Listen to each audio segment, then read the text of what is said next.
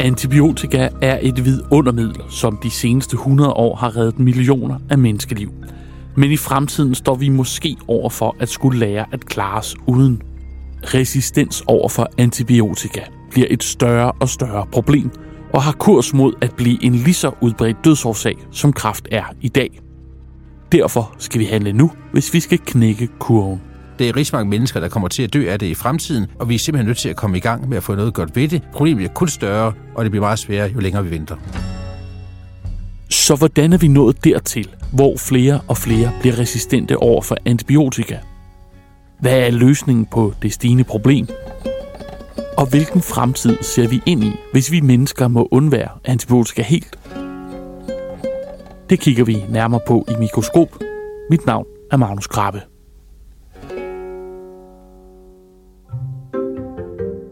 Frank Møller Aarstrup, du er professor på Fødevareinstituttet på Danmarks Tekniske Universitet, og samtidig en af de førende eksperter i verden, når det kommer til antibiotikaresistens. Vil du ikke starte med at fortælle, hvad er antibiotika? Antibiotika, det er en, sådan en, en gruppebetegnelse for nogle kemiske stoffer, som er altså i meget, meget, meget altså lave koncentrationer øh, er i stand til at slå bakterier ihjel, eller i hvert fald i, altså sørge for, at de ikke vokser. Men samtidig så har altså den der helt sådan fantastiske egenskab, at de samme koncentrationer, altså så slår de faktisk ikke vores celler ihjel. Og det gør jo så, at vi simpelthen kan tage dem i forholdsvis store doser, når man tænker på, hvor giftige, giftige de egentlig er. Og så går de ind, bevæger sig ud i hele vores krop og kan så slå øh, altså bakterier ihjel, der eventuelt har givet en infektion. Den engelske forsker Alexander Fleming er manden bag det første antibiotika. I 1928 udvikler han ved lidt af et tilfælde penicillin. It happened in the laboratory of Alexander Fleming, a Scottish scientist who had returned from his summer vacation to discover a strange occurrence in a petri dish. Men så var han taget på ferie, da han så kom tilbage i laboratoriet. Der var simpelthen, hvad hvor også en svamp op, og den havde simpelthen hæmmet væksten af den her stafylokok, den her bakterie. Og han kunne så øjeblikkeligt ligesom se perspektiverne i det her, at hvis man kunne oprense den her substans, jamen så må den jo kunne bruges til øh, at behandle infektioner med, med stafylokokker. I certainly didn't plan to revolutionize all medicine, Fleming later said, but I guess that's exactly what I did. Der skal dog gå 12 år før, at Alexander Fleming i samarbejde med to kemikere er i stand til at oprense penicillin og dermed skabe det første antibiotika, som kan bruges til behandling af mennesker. Da det nye vidunderstof er klar, får det hurtigt mulighed for at vise sit værd. I 1943 var 2. verdenskrig i fuld gang, og her brugte man for første gang antibiotika i stor skala til at behandle mennesker. Soldiers on all sides are victims to artillery fire, mustard gas, and new automatic rifles. Their biggest enemy, however, is infection. Of those wounded in battle, few will survive even their minor injuries. Men de gik fra en situation, hvor jamen, altså, folk, der var blevet såret, hvis der var gået mere end 24 timer, jamen, så hvad hedder det, var det altså bare altså benet af, ikke? Altså, hvad hedder det, hvis der var gået mere end et, et par dage, jamen, altså, så kunne de blive lagt over det hjørne til dem, der alligevel skulle tage at dø. I det her tilfælde, så lige pludselig så kom de jo ind, hvor altså folk, de måske havde været en uge under transport, før de kom under behandling. De kunne bruge penicillin, og de kunne simpelthen altså helbrede dem. Så det er sådan en helt anden verden, altså virkelig et mirakelstof, øh, de her læger, de, de stod med den her gang. The marvelous new cure for various types of blood poisoning. Det menes, at antibiotika redder mellem 80 og 200.000 soldatliv under 2. verdenskrig. Måske blandt andet derfor vinder Alexander Fleming Nobelprisen i 1945. Og allerede her advarer han mod overforbrug af antibiotika og de potentielle konsekvenser for menneskeheden. Allerede dengang gør han opmærksom på, jamen, tag nu lige at være forsigtig med det her brug. Tag og tænk på, at der vil opstå resistens, og det skal vi simpelthen, hvad hedder det, gøre noget for at undgå. Altså det, de ser, det er jo egentlig, at utrolig hurtigt øh, fra, altså hvis man kigger på det i, i de øh, altså hospitalerne, specielt i London, hvor man har data fra, altså i 1940, der var alle øh, stafylokokkerne, der gav infektioner der på hospitalerne i London, jamen de var sådan set følsomme over for penicillin, og allerede i 46, så var 60 procent af dem blevet resistente over for penicillin. Det går utrolig hurtigt. Okay, nu er vi så inde på det her med resistensen. Hvad er antibiotikaresistens? Antibiotikaresistens, jamen det, det er jo sådan set forholdsvis øh, enkelt. De koncentrationer af antibiotika, der normalt vil være i stand til at slå en bakterie ihjel, det gør de bare ikke længere. Og, og det betyder så også, at man skal simpelthen op i nogle koncentrationer, hvor der ikke kan lade sig gøre. Så meget kan vi simpelthen ikke øh, indtage øh, rent fysisk. Og hvis vi gør, så øh, jamen, krystalliserer det, og hvad hedder det, ødelægger vores nyere osv., så begynder det lige pludselig også at blive giftigt for os. Og så virker antibiotika ganske enkelt bare ikke længere. Og hvis antibiotika ikke virker længere, jamen så kan vi jo ikke behandle øh, de infektioner, som vi har været vant til, at vi kan behandle. Og, og det gør jo så, at selv sådan forholdsvis banale infektioner kan jo så give et længere sygdomsforløb, eller altså i sidste ende, ende med, at man dør af det. Men kan man ikke bare opfinde nye antibiotika? Jeg ved godt, der er mange, der tror, at det er bare uh, vejen frem, og det er bare det, vi skal. Det skal vi sørge med også arbejde på, og hvad hedder det, og hele tiden finde nye antibiotika. Men man skal altså også lige have i baghovedet, at nu har det det sidste adskillige, hvad hedder det, årtier været vældig svært at finde nye virksomme antibiotika. Der er jo altså ikke særlig stor garanti for, at vi er i stand til at gøre det fremadrettet. Første gang danskerne hører om antibiotikaresistens er i maj 1995. Dengang arbejder Frank Møller Aarstrup på sin Ph.D. på Statens Veterinære Serum Laboratorium. Jamen, jeg er i gang med min, min Ph.D. inden for øh, øverbetændelse hos kvæg, og i øvrigt øh, arbejder med staflekokker. Men jeg kom til at snakke med nogen, der havde hørt om, at de nede i Tyskland havde fundet nogle former for resistens hos dyr, som altså var meget forundret over, fordi det var stoffer, man mente, jamen det bruger vi altså simpelthen ikke til dyr. Så hvorfor finder man lige pludselig resistens? Og så jamen, kontaktede hun så mig og spurgte, jamen altså, er det også noget, vi ser i Danmark? Og, og der, der mente jeg, altså de der stoffer der, sådan noget, der hedder, øh, stofgruppe, der hedder glykopeptider, det brugte vi i hvert fald ikke til at behandle dyr i, i Danmark. Så det, det kunne jeg så sige nej til. Øh, men jeg begyndte så lige at ringe lidt rundt og fik fat i nogen fra det, det gamle plantedirektorat og så sige, gud jo, de brugte, vi brugte, hvad hedder det, sådan, ja, 24 tons om året, bare som, altså, som tilsætningsstof øh, til, til dyrene. Og så vil sige, hov, det, det gør vi altså. Og så er det næste spørgsmål, jeg selvfølgelig sige, når man bruger så store mængder til grise og, og kyllinger, jamen kan vide, om der så ikke også er, er, er resistens derude. Her har vi en gris med dårlige ben, som jeg vil give skud antibiotika.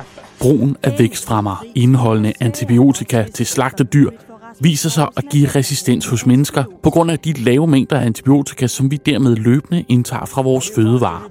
Og den dag i dag, næsten 30 år efter, bruges der fortsat antibiotika i landbruget. Her igen, der bliver stadig brugt masser af det problematiske antibiotikum tetracyklin i de danske svinestalle, og det på trods af løfter om det modsatte.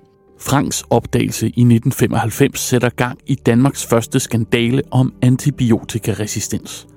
Den daværende fødevareminister Henrik Dam Christensen forbyder vækstfremmeren avoparcin, og for Frank og kollegaerne sætter sagen gang i helt nye tanker der er ingen tvivl om, at noget af det, der har igennem alle årene været sådan lidt et, øh, et, et, et sessionsmoment for os, øh, også i den her overvågning, øh, det, det har jo været, altså hvordan får man egentlig overvåget, hvad der sker hos raske mennesker. Fordi at de her, det her, den her klinisk baserede overvågning, jamen det, det, er altså næsten i sagens natur, det er jo klart, det er jo folk, der i høj grad er på hospitalerne. Det er folk, der er alvorligt syge. Altså, så hvordan finder man ud, en ud af, hvad sker der en ud i almindelig befolkning? Det er så alt også der, langt det meste antibiotika det bruges. Det er også der, vi regner med, at den første spredning øh, af resistens i høj grad sker. Men det har også været svært at gå ud og få fat i prøver fra, sådan, hvad kan man sige, almindelige mennesker. Ja, hvordan skaffer man afføringsprøver fra helt almindelige mennesker? Og så på en fast, kontinuerlig basis – så man løbende kan overvåge, om resistensen i en større del af befolkningen forandrer sig, som årene går. Svaret er på en måde lige til. Spildevand er jo fremragende, fordi, jamen, det kan være svært at få prøver fra almindelige mennesker, men at de leverer jo fuldstændig frivilligt en prøve ned, hvad hedder det, i toilettet, altså sådan cirka i gennemsnit går jeg ud fra omkring en dag, gang i dagen, ikke? Der er ikke nogen regler der. Lige snart det er dernede, jamen altså, så kan man gøre, hvad pokker man vil med det, fordi der er ikke noget øh, etik eller andet, man behøver at forholde sig til her. Samtidig, så bliver det sådan automatisk blandet. Altså, man behøver ikke at stå med en blender, og hvad hedder det, stå og få, hvad hedder det, lort i hovedet der, altså på, i laboratoriet. Nej, nej, det hele bliver bare automatisk blandet, og så kan man få sådan en populationsbaseret overvågning der. Det, det, tænkte, det, var, det var da en god idé. Skal vi ikke prøve det? Øh, vi var på det andet tidspunkt, og er jo stadigvæk øh, referencelaboratorier for både øh, EU øh, og øh, Verdens Sundhedsorganisationen. Så, så vi havde også sådan et, et godt kontaktnetværk rundt omkring i verden. Det var sådan en god måde ligesom at sige, nu kan vi så skrive rundt til alle, ved I hvad, er I ikke søde at sende? Altså en, en halv til en liter spildevand til os, så prøver vi at kigge på det og se, om det her det kan lade sig gøre. Og så var det ellers bare at vente. Heldigvis for Frank og hans team, så kommer der spildevandsprøver fra hele verden. 258 byer i 103 lande ender med at sende en prøve. Jeg er vokset op med den her, hvad kan man sige, fortælling af, at jamen altså, altså der er simpelthen en direkte sammenhæng mellem, hvor meget antibiotika man bruger, og hvor meget resistens man har. Og sådan er det bare. Øh, og den eneste måde at reducere forekomsten af resistens på, det er at sænke forbruget. Det er vi simpelthen været nødt til at revurdere lidt. Jamen altså, det passer måske ikke lige helt sådan. Fordi sådan noget af det, vi så så, øh, når vi kiggede på vores data, det var, at der var en rigtig god sammenhæng mellem, hvor meget resistens der var, og så hvor velfungerende sundhedssystemerne var, og også om de havde et velfungerende øh, om så må sige, sanitetssystem. Altså, er der god hygiejne i et land, mm. så har man simpelthen mindre resistens, uanset om, hvor meget antibiotika man sådan set bruger. Altså, man kan også sige det på en anden måde. Jamen altså, et kilo antibiotika, man bruger i for eksempel Tanzania, skaber simpelthen mere resistens, end hvis man bruger det samme kilo antibiotika i Danmark. Frank Møller Aarstrups resultater har vagt genlyd verden over. Så hvad er ifølge ham løsningen på et af menneskehedens største dilemmaer i de kommende årtier? Der er jo ingen tvivl om, at øh, altså, der, der er simpelthen bare ikke, ikke, man kan ikke ud og sige, der er ikke sådan altså one size fits all, fits all. Det er der simpelthen ikke. Det, det tror jeg så måske noget det første, øh, vi må erkende, det er, at vi er nødt til at have multiple forskellige løsninger, alt afhængig af, hvad resistenssituationen er i det enkelte land. Det, det kræver i første omgang, det er selvfølgelig en eller anden form for grundlæggende overvågning af, hvor er vi hen? Den er sammenlignelig over tid. Og, og noget af det, vi har behov for, altså det er altså at få noget, altså noget god evidens for, hvilke interventioner virker bedst, og hvornår virker det. Så altså uden overvågning, jamen så kan man jo lave alle de interventioner, man vil, men man aner ikke, om de virker heller ej. Så det er jo ligesom det første. De interventioner, man, man kan lave, jamen det kan jo være noget helt, helt, helt banalt. Det kan være, at i nogle lande, jamen det eneste, der egentlig skal til, eller det bedste, der skal til, det er en, at man sørger for mere rent vand. Det kan også være, at man også skal ind og kigge på det der med, jamen altså man skal have nogle forbedrede toiletforhold. Det, og det vil jo lige på rigtig mange ting. Det er jo ikke kun altså, øh, resistens. Det vil sænke antallet af infektioner, så det vil have en indirekte virkning på mindre brug af antibiotika, bedre sundhed og alt muligt. Fordi færre bakterier? Ja, ja ganske enkelt. Færre bakterier, færre resistens, hvad hedder det, mindre brug af antibiotika. Jamen altså, come on. Altså, what's not to like, ikke? Altså, det, det kan være, det er det allerbedste. Andre steder, så kan det være, at det er den der målrettede, hvad hedder det, sige, ved hvad, nu skal vi simpelthen ind og direkte reducere brugen af antibiotika til bestemte befolkningsgrupper eller bestemte steder. Nu må det simpelthen stoppe. Men der er altså ikke, der er ikke én løsning, der sådan bare kan sige, den kan man bare rulle ud over hele verden, og så løser den alle vores problemer. Det er det desværre ikke. Nej, fordi vi snakker også om her, at der er rigtig, rigtig mange mennesker, der risikerer at dø på grund af antibiotikaresistens. Men hvis vi bare stopper med at bruge antibiotika, så er der rigtig mange mennesker, der dør af infektioner. Ja, altså der, der er jo nogen, øh, der, der mener, hvad hedder det, allerede nu, så har man simpelthen et antal millioner mennesker øh, på verdensplan hver eneste år, der dør, fordi de ikke får antibiotika. Altså, og, og det, det er jo egentlig altså lidt, øh, det, det er jo lidt grotesk, ikke også, at på den ene side, jamen vi skal ud og redde to millioner mennesker, fordi du sørger for, at der er flere, der får antibiotika, jamen samtidig så er der stigende antal, der dør af antibiotikaresistens det er jo utrolig svært at vide, hvor pokker får man, adresserer man egentlig den problemstilling øh, på verdensplan. Men altså, der er ikke nogen nem løsning her. Det er der ikke. Altså, hvis der var, så tror jeg nok, øh, så havde vi jo nok allerede gjort det. Og jo længere tid vi venter med at, at adressere forekomsten af antibiotikaresistens, jamen altså, jo, jo større bliver problemet, jo sværere bliver det at gøre noget ved det, og jo længere tid altså, kommer det til at tage, før vi ligesom altså er nede på et niveau, der måske til at, at leve med sådan en rent bogstaveligt øh, på, på verdensplan.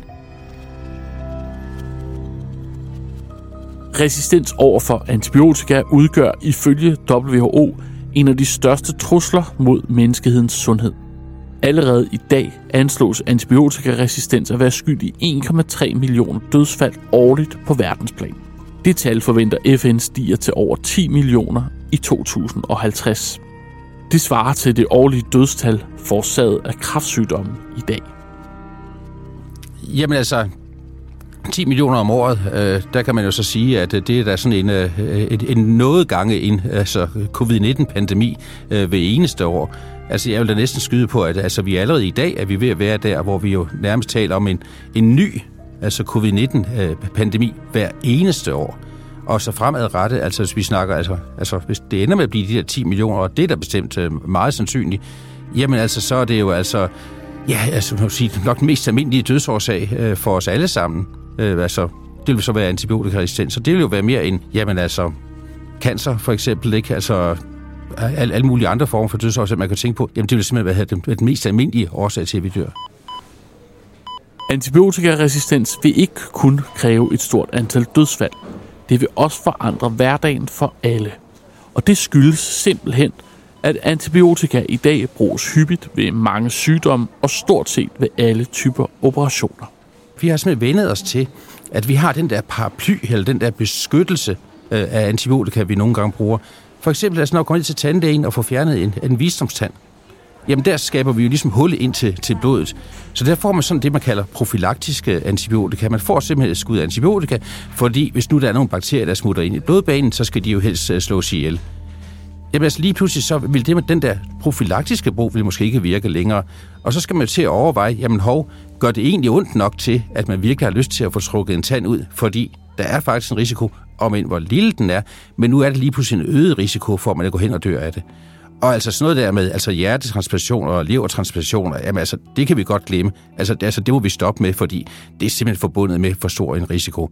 Alle de der landvindinger, vi har gjort inden for kirurgien, jamen dem kan vi ligesom godt begynde at rulle noget tilbage, fordi det bliver simpelthen forbundet med for stor øh, vanskelighed, og det bliver enormt omkostningsfuldt øh, at skulle gøre det, fordi det virkelig kræver nogle renrumsforhold, som vi slet ikke er givet til. Og en enorm stor risiko, man, man påtager sig, når man ja. ligger så under kniven. Ja, Ja, og, og, og, så, og det der med at få fjernet en visdomstand, altså det, det er ikke ligefrem noget, vi altså, er bekymret, og går og bekymrer os om, vel? Men det skal man jo lige, altså man skal virkelig til at overveje det der, jamen er det det værd? Altså rodbehandlinger, altså forget about it, ikke? Altså det, det, det, det er tilbage til, øh, det er, om ikke stenalderen, men altså det er jo ligesom på mange måder tilbage i 30 til 30'erne, ikke? Altså 1930'erne. Det var denne måneds tur under mikroskopet. I redaktionen sad Simon Brix, Mads Christian Hede, Sabina Askom Larsen, Christian Mostrup og jeg hedder Magnus Krabbe. Mikroskop udkommer hver måned. Podcasten udgives af Novo Nordisk Fonden og er produceret af Kontekst og Lyd og Podcastbyrået.